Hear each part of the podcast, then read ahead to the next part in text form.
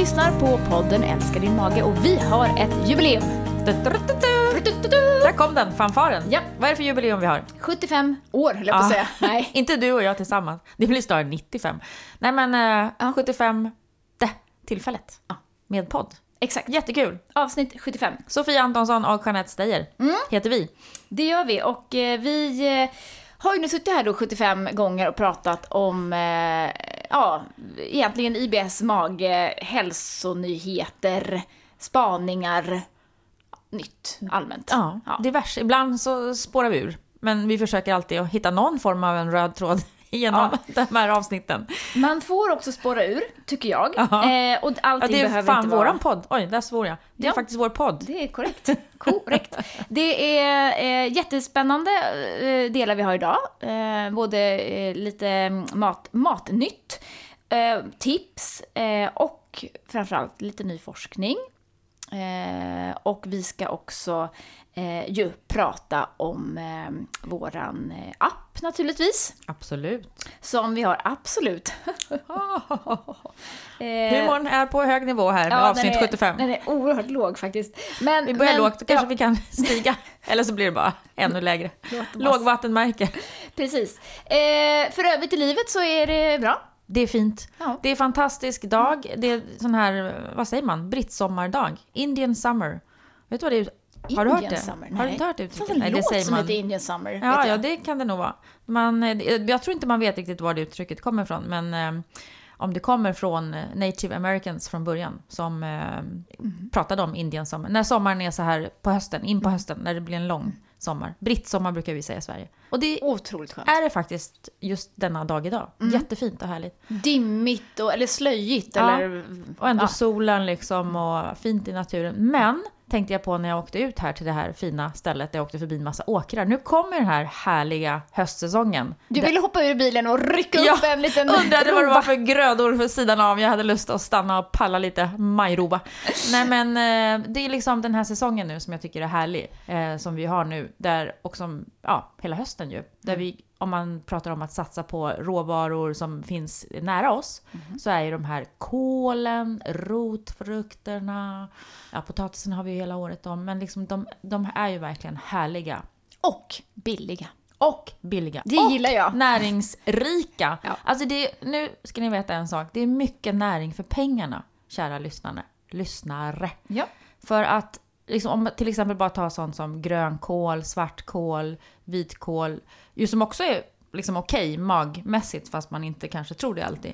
Ehm, om du jämför till exempel med sallad, grönsallad och så vidare. Där får du ju så mycket mera liksom för pengarna i näring, i fibrer, bra saker. Verkligen. Mm. Vissa grejer är ju svårare att hitta svenska kanske och eh, lite dyr, dyrare. Jag tänker på svartkål. Jag älskar svartkål, men det är också ibland svårt att hitta svensk Mm. odlad eh, och den kanske är lite dyrare. Men då tänker jag också verkligen så att man kan ju, man känner då att det är mycket näring ändå för pengarna. Man behöver inte vräka i sig ett helt paket. Man kan faktiskt eh, ta lite grann, Mm. frysa in, går också att göra. Tycker jag, och någonting som jag tycker är gott också, som jag gjorde senast igår, det är att jag tog spetskål och strimla fint och så tar man grönkål och strimla fint.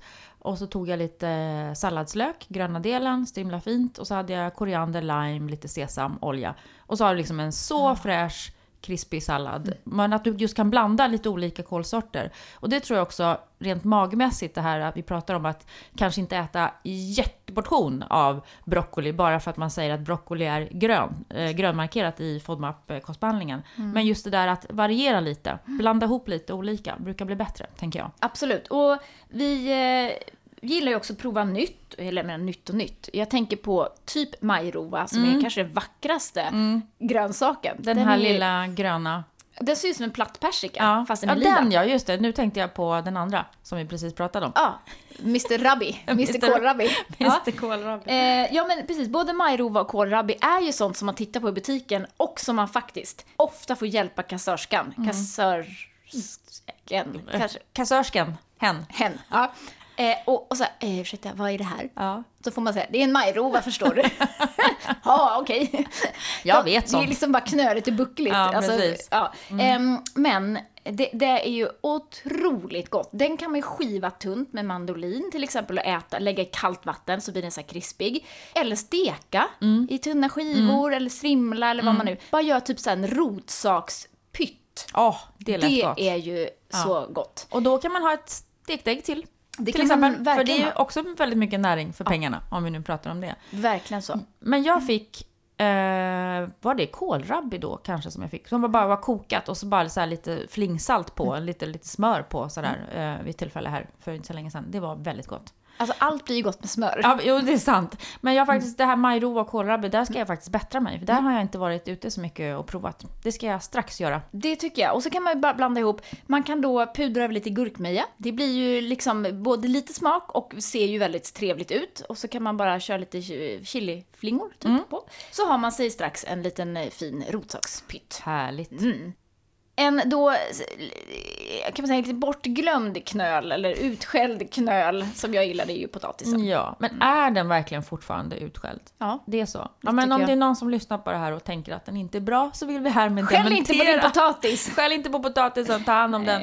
Den är bra, också bra mat. Mycket näring för pengarna. Alltså otroligt. Mm. Jag har ju nästan alltid kokt potatis i kylen. Mm. Det känns som att då är man liksom hemma. Då kan man göra sig en potatissallad eller så har man en omelett. Ja. Eller så bara tar man ett mellis och äter en kall potatis. kan man göra. Man kan skiva den på en knäckemacka. Väldigt gott också. Men det är ju också, det är på grund bland annat, det bildas den här resistenta stärkelsen i kokt kall potatis som är så himla bra för våra tarmbakterier. Men också våra blodsockernivåer som hålls eh, jämnare med den typen av stärkelse. Verkligen. Mättnad, blodsocker, eh, kolesterol säkert också. Säkert. Säkert. Ja. och, och som sagt, tarmbakterierna bara jublar ju. Det blir som eh, fest liksom, i tarmen när man äter det där. Så att, eh, och potatisen, alltså ärligt talat, det går att göra så mycket med potatis. En liten råraka. Eh, Bara en sån sak. Ja. Nu vill jag faktiskt lyfta, eh, eller slå ett slag för ett recept som jag producerade här förra veckan för Belly Balance. Eh, snart kommer upp på vår hemsida eh, för våra medlemmar. Det var nämligen en slags ta- taco potato. Att man tog potatis, i, skar dem i lagom tjocka skivor och så blandar man det med tacokrydda in i ugnen och sen gjorde man de här dipparna och grejer runt omkring. Så det är liksom en lite nyttigare variant än våra eh, vanliga fredagstacos eller nachos eller så. De här majsstinna skalen. Exakt, så här var det potatis som var i botten, men och så med vår egen tacokrydda förstås, som inte innehåller lök och vitlök. Eh, och så gjorde jag lite olika goda såser som också är FODMAP-vänliga. Så de kommer att komma upp på, ehm, eh, våra, bland våra recept. Det tänker jag prova. Det skulle Nästa prova. Den var jättegod, den, den gjorde succé i mitt hem. Underbart. Mm. Vi har kommit över en eh, sammanställning här. Precis. Eh, från GUT, oh, gud vad svårt att säga, GUT Microbiota for Health. Som har gjort en sammanställning över vilka koststrategier för att ehm, hantera, manövrera eh, IBS och vad finns det liksom för studier då på människor gjorda? Ofta finns det ju studier gjorda kanske på djur, på möss och så vidare, men här har man liksom gjort en sammanställning av vad det finns för studier gjorda på människor där man ser att det finns någon form av bevis, evidens på att eh, de funkar. Eh, men då måste vi också säga funkar i olika grad. För som vi vet med IBS så är den svår och komplex och det är eh, inte någonting som liksom funkar 100%. Det finns ingen läkemedel, piller idag som man säger det här tar alla symptom. Utan det är oftast att, som vi brukar prata om, ett pusselspel, lägga ihop det med kost, med livsstil, kanske andra hjälpmedel att ta till. Men i den här eh, sammanställningen då har man tittat på Eh, på studier, metaanalyser, på eh, olika, eh, från olika källor och kunna väl sammanställa i fem punkter då saker där det finns olika former för evidens på vad som funkar kostmässigt. Ja, och en av punkterna då, inte så förvånande för oss i alla fall, det är ju the low FODMAP diet. FODMAP-kostbehandlingen då som vi kallar den för, som är effektiv. Vad man vet, 75% av de som provar får ju lindring av sina symptom. Det kan vara på smärta, det kan vara eh, uppblåsthet, eh, gaser och avföringsrubbningar då. Ehm, det som, man ju, som vi också brukar prata om, att man ska, det är jätteviktigt att man följer den här dieten på rätt sätt, eller kostbehandlingen på rätt sätt, för att målet är att återinföra. För man ser ju en förändring av tarmbakterier, även bra tarmbakterier, som sjunker i början av behandlingen just för att man plockar bort en del prebiotiska livsmedel. Eh, så att, eh, och man är också eh, uppmärksamma på just att man inte ska bli för smal i sitt liksom, urval, för att man kan ju då ha risk för på sikt att liksom inte få i sig tillräckligt med näring. Så det är ju det är ett par observandum med FODMAP-kostbehandlingen som vi också ofta pratar om. Eh, sen pratar man ju då som en annan punkt såklart om också det här first line kallar ju de det för i, eh, i England vet jag, eller UK och USA. Man pratar om eh, livsstilen, måltidsmönster och sådana här saker som även vi pratar mycket om. Hur ser dagarna ut? Eh, äter man regelbundet? Eh, mängd, storlek på portioner? Tuggar man maten? Eh, Sådana saker. Eh, vad, vad, kan det finnas andra för trigger food? Kaffe, alkohol, nikotin. Alltså man pratar just om liksom ett större begrepp om, omkring livsstil då. Eh, och att man där ju kan få stor skillnad i hur magen fungerar genom att bara tänka igenom de här sakerna. Och det är ju det vi brukar prata om när vi pratar vår mat och symptomdagbok, som man börjar att göra när man startar kostbehandlingen då, för att få den här äh, överblicken. Hur ser det ut för mig? Hur ser mina dagar ut? Eh, glömmer jag alltid att äta lunch och jag äter jätteoregelbundet eller är det alltid stress omkring mig och så vidare och så vidare. Det är det vi i Sverige har kallat för generella IBS-råd egentligen. Exakt. Ja. Mm. Eh, och det är klart att, att där ingår ju så här, ta bort tuggummi och, och kolsyrade drycker och så här. Och det är ju, har man, äter man mycket tuggummi, dricker mycket kolsyrat, dricker mycket kaffe, då blir man ju avsevärt mycket bättre bara att dra ner på det. Absolut. Då kanske man inte ens behöver en, en full FODMAP. Nej, så kan det vara. Mm. Och även kan man säga det här med fiber är ju intressant fortfarande för att eh, där man ju har haft, och säkert har tid eh, nu också, att jag har en dålig mage, jag måste äta mycket fiber för att den ska funka bra. Men de fibrerna kan också bidra till att min mage blir mycket mer uppblåst och jag får gaser och så vidare och faktiskt får besvär av sådana typer av fibrer som min IBS-mage inte klarar. Så att, ehm, så att ja, det är ju, det där vet vi, men det är bra att få det sammanställt. Ehm, den tredje punkten är eh, också fusilliumfrö, eh, alltså husk helt enkelt, som vi pratar också mycket om och rekommenderar i vår behandling. En bra fiber, en snäll fiber för magen och kan då också, har man sett, eh, i, förbättra IBS-symptom generellt. Både om man har lös mage och hård mage, eller växlar, så är det ett bra fibertillskott. Och sen pratar man om eh, probiotika, eh, probiotiska preparat. Och där finns det ju då forskning för att vissa stammar, eh, vad säger man, familjer? Ja, strains. Ja, strains mm. ja, eh, kan ge eh, effektiv, eh, för, eller ge förbättring av eh, symptomen generellt det har ju väldigt mycket att göra med vem man är, hur man ser ut ja. från början. Det, det, märker vi på våra patienter också. En, en patient som reagerar jättebra på ett preparat eh, tänker man, åh vad bra, och så rekommenderar man någon annan och som tycker bara, det här hjälpte ju ingenting. Nej. Så att det är ju helt avgörande egentligen för ja. hur, man, hur man ser ut där inne. Precis. Eh, faktiskt. Mm. Men det finns ju några ändå stammar mm. där man ändå rent forskningsmässigt har kunnat se att det här ser generellt ut att kunna hjälpa. Just, framförallt bifidobakterier mm. i, i, i IBS-fallet då eh, verkar ju vara väldigt eh, gynnsamma. Mm. Mm. Eh, och sen en punkt då som kommer upp här som kanske är någonting som jag inte eh, i ärlighetens namn har jobbat så mycket med. Jag har sett ibland att eh, en läkare har, har, skrivit ut eller rekommenderat eh, pepparmintolja. Eh, och det är, pepparmintolja har den effekten att det är hjälper de här glatta muskulaturen att, att slappna av. Så framförallt kanske vid liksom smärta och krampliknande tillstånd så har man då kunnat sett att eh, pepparmintsolja kan eh, hjälpa.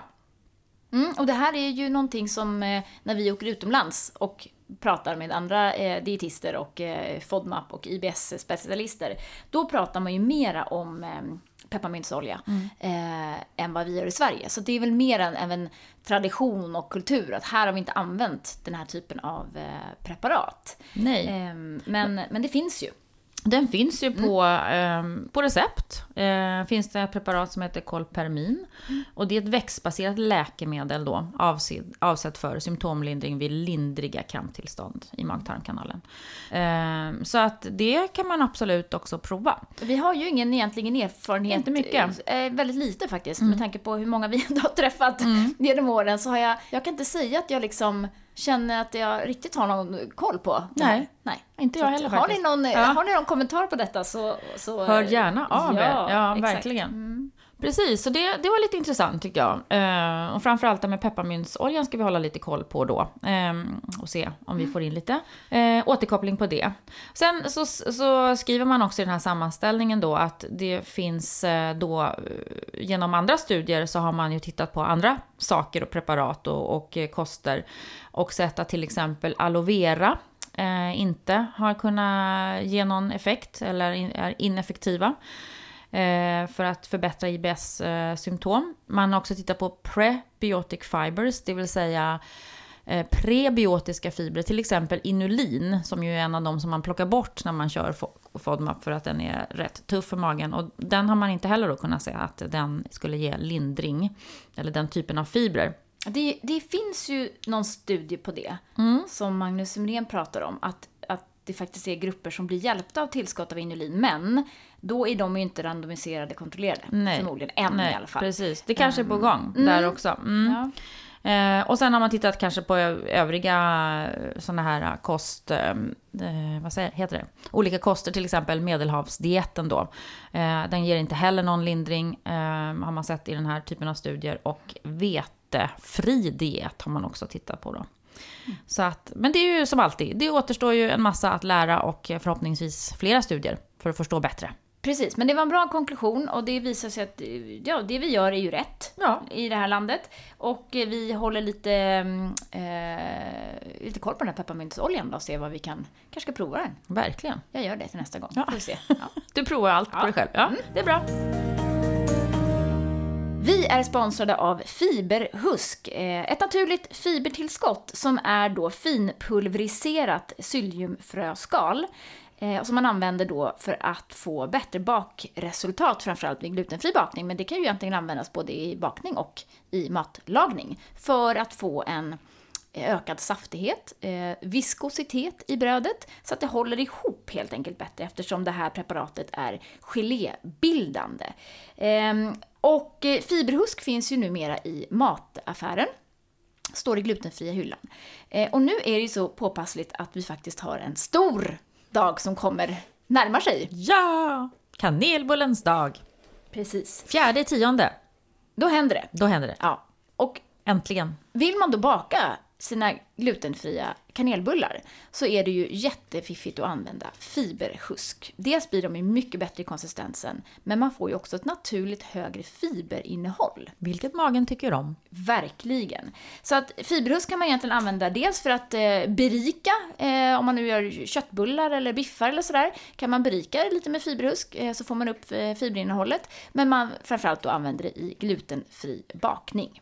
Så alla ni som är sugna på kanelbullar här nu då, eh, ta och använd fiberrusk och så kommer ni få ett jättefint resultat och goda bullar.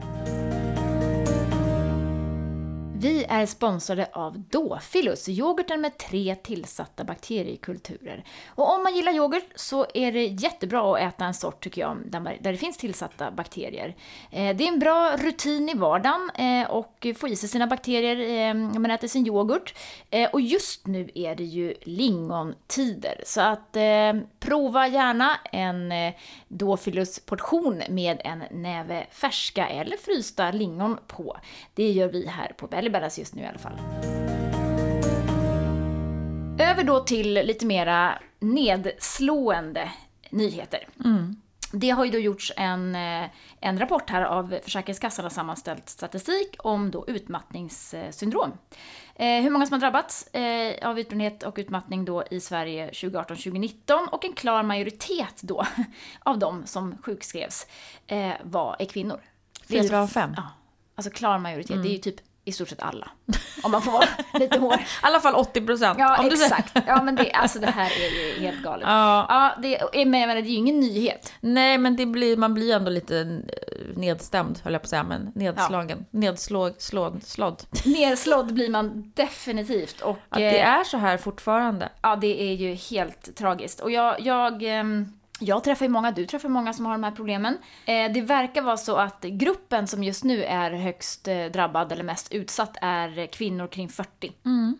Som har eh, barn familj, små barn, stora barn, jag vet inte vad man har för barn men kanske man föder barn Oftast sent. lite mindre barn, ja. eller jag tänker, eh, under, under tonåren tänker jag ändå någonstans. Ja, mm. exakt. Och sen har man då krävande yrken mm. och så är man duktig flicka och ska mm. prestera och det ska vara kontrollbehov och saker ska vara på mitt sätt och jag har listor och jag bockar av och jag är, har en hög, hög inre stress. Mm. Allting snurrar, det tjattrar i huvudet konstant och sen är det bara utför därifrån. Okej. Okay. Ja, det, det, är ju lätt att det ja. blir så.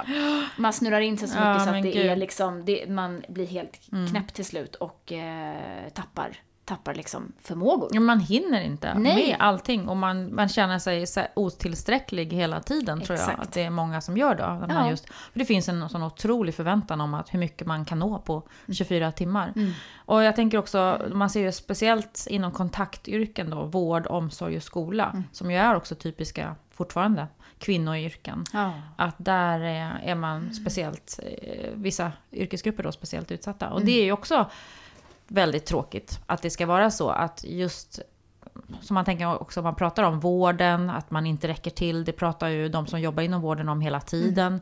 I skola, mm. i omsorg. Eh, de känner ju det säkert på sina jobb mm. hela tiden. Att jag räcker inte till, jag skulle vilja göra mer. Och, och de här barnen mår inte bra. Eller jag hinner inte ta hand om den där patienten. Det måste ju vara så jobbigt. Mm. Och sen ska man hem och känna att man inte räcker till där hemma heller då. Exakt. Eh, och det här har vi ju liksom pratat om och raljerat om i, i ganska många år. Att ja, när kvinnan kommer hem, då stiger stressnivån. När mannen kommer hem, då, då sjunker den. Liksom. Mm, det finns det forskning på. Ja. Mm, ja, precis. Till och med det. Mm. Eh, och eh, jag tänker bara att det är, det är så oerhört tragiskt att det ska behöva gå så här långt. Eh, och då kan man ju fundera så här, vems fel är det då om vi ska försöka peka ut någon här? Ja, varför blev det som det blev? Är det kvinnan som borde säga stopp, nej, det går inte mer. Eh, eller är det mannen som borde gaska upp sig och se att hallå, min kvinna går på knäna här. Jag behöver assistera, jag behöver liksom dra mitt lass här hjälpa till? Mm. I don't know. Ja, jag har jag inte tror, svaret på det. Nej, jag tror inte det finns ett, ett svar. Jag tror att det är så mycket inblandat i det här. Mm. Och också det som vi brukar prata om. Hur ser vårt samhälle ut? Hur ser våra liv ut? Mm. Vi kanske inte ämnade för att leva en sån här typ av liv som vi gör när vi lever i, i större städer till exempel. Mm. Med konstanta intryck och stress och tider och deadlines och så vidare. Rent fysiologiskt. Vi brukar prata om det när vi pratar om vår, magen, hur den mår. Eh, I kombination med de olika rollerna som vi fortfarande har. Att vi kanske har svårt ibland att säga nej när vi behöver det. Hur vi hanterar stress, som man också har sett att det är skillnad på män och kvinnor. Att vi kör det mera inåt och mannen kanske blir mera utåtagerande. Eh, så, sådana saker som också ligger i våra, våran biologi och våra gener. Absolut. Så det är nog många saker tror jag som, som påverkar här. Det är mm. bara väldigt tråkigt att det fortfarande ska vara så här. Det är Vi skriver det. Och, 2020. Ja, liksom. och det, det som är, tycker jag, mest bekymrande just nu, det är att de flesta som jag träffar i alla fall, och jag har ju en del kontakter runt omkring med liksom, ja, näringsterapeuter och massa andra. Det är ju sammantaget att många av de här kvinnorna får ju inte hjälp. Mm. Man får inte hjälp mm. inom vården. Mm. Eh, det är liksom, ja, här, ta de här antidepressiva tabletterna. Ta de här sömntabletterna. Ja, men liksom, hallå. Mm. Kan, vi, kan vi titta åt ett annat håll, mm. tack? Där blir jag lite så här, nej, men vi vet ju så väl. Eh, många av de här kvinnorna, eh, till exempel, tränar väldigt, väldigt mycket. Eh, och det är också så här totalt fel. Har man en kropp som är så speedad och stressad och dessutom utför högintensiv träning så blir det ju bara totalt galet i mm, kroppen. Mm, mm. Men det är, det är ju kanske det man tänker sig, man måste, måste ändå upprätthålla träningen. Mm. För på något vis så kanske det gör mig piggare eller liksom, och så bara kör man på i de här spåren. Så att jag tänker att eh, vården här, vi har så himla liksom, lång väg att gå. Nu är det ju jättemycket fokus på psykisk ohälsa på alla fronter. Och det har ju mycket att göra med, med hela coronapandemin, att, att det liksom har utvecklats därifrån. Men alltså ett, ha kontakt med en bra terapeut. Och nu finns det ju faktiskt nätbaserade eller digitala liksom, tjänster där man faktiskt kan boka en tid, typ direkt med psykolog, vilket ju är helt fantastiskt tycker jag. Att vi liksom tillgängliggör den och att man inte ska behöva kanske gå privat eller sådär. Eh, men alltså att man faktiskt får prata med någon, eh, att man kan få träffa någon som ser helheten. Det är liksom inte bara ett fel i kroppen när man är så sönderstressad. Hormonsystemen svajar, alla system, matsmältningen, allt är ju i obalans. Och då kan man liksom inte bara, här, ta det här pillret. Det hjälper ju ingen. Nej, men verkligen Så. inte. Mm. Så att jag tänker att, hoppas nu att vi liksom kan det här kostar ju naturligtvis, förutom lidandet, så kostar ju det här samhället enorma summor pengar. Att hålla på och sjukskriva människor, att ersätta på jobb eller vad det nu är för någonting. Och så dessutom då ska man, är man sjukskriven så har man säkert ångest för att man inte är på jobbet och gör, gör det man borde göra där. Ehm, så att hoppas, hoppas att det här kan leda till att vi inom vården får mera kanske teamtänk kring det här med, så här har vi en utmattad eller utbränd person. Då kan vi liksom inte bara ha en vårdgivare här, utan vi måste förstå att vi behöver ha kanske ett helt team. En sjukgymnast, en terapeut, en läkare, en... Fysioterapeuterna är ofta Ja. jätteduktiga på det här ju. Att förstå och, och, och ge bra råd omkring vad, vad gör du nu då med Ja. din kropp? Du ska inte bara fortsätta träna, du kanske ska göra andra saker. Du kanske behöver de här avslappningsövningarna. Du, Precis. Ja, och så vidare. Så att jag, jag hoppas verkligen att det här går framåt, för det här, om, om det ser ut så här nu, så vill man ju knappt tänka på hur det kommer se ut om, om liksom, inom fem år. Nej, men jag tänker det- också att det måste komma på en, det måste bli en förändring i, liksom också, i samhällsnivå. Vad är det meningen att vi ska klara av liksom, på, Ja. på de här stackars 24 timmarna? Eh, inte bara kvinnor, män också. Verkligen. Den- det finns ju, finns ju duktiga flickor i alla kategorier på något vis. Men det är ju bara att, att kvinnor är ju helt uppenbart kan inte hantera kanske då det här på samma sätt. Utan vi, vi, liksom, vi är byggda helt annorlunda och, och reagerar på annat sätt. Och hamnar kanske ibland också i de här jobb, typen av jobb då, som är extra jobbiga när det kommer till den här aspekten. Ja, alltså, även, det står också i den här artikeln, Ja. även byggbranschen sticker ut som arkitekter, byggnadsingenjörer. Sen kommer alltså veterinärer. och djurskötare. Jag tänker ja. så här, gud, veterinärer har världens skönaste jobb, tänker jag. Fast de, kan, de är stressade tydligen. De har mycket att ta hand om. Kanske. Det är klart. Ja. Våra hundar får ju diabetes nu för tiden. Ja, men och gud. sköldkörtelproblem. Åh, så att, eh, herregud. Ja, okej. Ja, men, men skämt åsido, det här är en jätteallvarlig eh, tendens och utveckling. Låt oss alla då som lyssnar på det här, försök att liksom rannsaka er själva. Jag gör det varje dag hela tiden, jag är inte alls bra på det. Försöka faktiskt känna efter inombords. Vad vill jag? Hur mår jag? Hur mår jag? Säg nej. Exakt. Mm. Sänk Faktiskt. kraven. Sänk kraven och säg nej. Bra. Vad är det vi alltid har sagt? Ja, det här med eh, sötningsmedel. Är det det du tänker på? Ja, är det, det är nästan den vanligaste frågan jag får Ja. då från personer som inte är IBS. Får man mer sötsug om man eh, dricker eh, lightläsk? Blir man hungrigare, eller? eller blir man hungrigare? Ja. Sötsug? Det finns inga studier på det, ska Nej. jag säga, på Ja. människa. Nej. eh, att som kan bevisa det.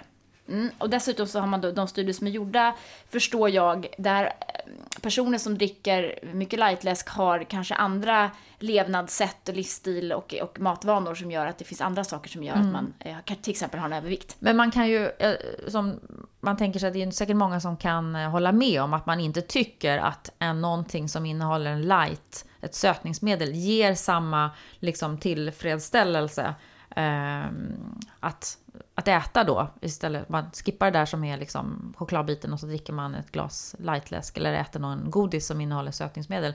Man tycker inte att det blir liksom lika Det blir gott. gott för stunden, Ja, men precis. men Ja. sen då? Ja. Ja, då har ju forskare här du i, i eh, U- USA Eh, nu ska vi vara tydliga och säga att det här är på möss man gör, har Möss, kollat på det här. Ja. Ja. Eh, då har de tittat här då och sett en möjlig eh, förklaring. Därför att de har sett att eh, det är inte bara socker på tungan som gör att det registreras ett, ett sött intag. Det är liksom det första anhalten ju när sockret landar på tungan. Eh, då registreras sött, hjärnan tänker ja, nu kommer sött. Mm. Men nu har man också sett att det finns liksom en andra reaktion på det här. Och det är när sockret kommer ner i tarmen. Exakt. Och då kommunicerar ju som bekant vår tarm med hjärnan. Och sänder upp en signal. Nu kom det socker. Det blir som en verifiering, kanske. Ja, det verkar ju så nästan. Som Ja. en så här, ja, det var rätt. Du kände rätt. Det var socker. Nu är jag lite nöjd. Precis. Problemet är då att när man har sett här i den här studien så ser man att artificiella sötningsmedel inte aktiverar den här kopplingen mellan hjärnan eh, och tarmen, eller tarmen och hjärnan i det här fallet. Eh, vilket ju då ger en, en förståelse för då varför sötningsmedel kanske då inte upplevs så tillfredsställande som vanligt socker. Men det måste ju då vara en ganska lång fördröjningseffekt på det här. Så att det, det är kanske svårt att koppla ibland. Ja, det kan ju För man kan ju dricka någon, någonting Ja. Mm. klockan åtta och sen eh, senare då så... Men jag tänker att det är väl som ett konstant sötsug som man liksom jobbar med he, hela dygnet runt, eller Ja. hela dagen. Ja men det är det ju för många, att man har det här sött är gott, sött liksom, åh jag, jag behöver det. Eh, jag har lust, åh gud jag blir så sugen. Liksom. Att det är det här, man får, då får man inte de här signalerna då kanske från tarmen upp till hjärnan om att jag har fått socker redan, utan man vill fortsätta att ha det här sötsuget även om man har druckit lightläsk och, och ätit godis som innehåller sötningsmedel då, och tänkt att nu har jag tillfredsställt mitt sötsug. Men, men det kanske inte är så då. Nej, för Det är lite alltså, spännande. man Mm. har ju då sett i tidigare studier när man har in- inaktiverat smaklökarna på möss så fortsätter de att känna sötsug. Och det har ju att göra med då att... att Mm. Tarmen signalerar. Eh, exakt. Eh, och då eh, så har man också sett att möss som ätit sötningsmedel ändå är sugna på socker. Mm. Och det handlar ju om det här då. då. Så här, här är vi ändå någonting på, på spåret. Och just att de också stängde ner kommunikationsvägen mellan tarmen och hjärnan. Mm. Och då eliminerade de mössens sötsug. Och det är ju någonstans dit vi kanske kommer att komma så småningom då. Att man äter ett piller som blockerar den här kommunikationen. Just det, så har man inget sötsug. Fint. Bring it on! Nej. Tråkigt också. Ja. Eller man kanske skulle kunna ta det där pillret då fem dagar i veckan så kunde man ha sötsug Ja två dagar. precis, ja men exakt. Gud så bra. Det hade känts eh, helt Ja, okej precis. faktiskt, Ja. jag. Men, men det här är ju, det här tycker jag är så kul för att det, det, som sagt, den här frågan uppkommer ju hela... Är det Ofta. Mm. bättre? Vad ska jag dricka? Lightläsk vanlig?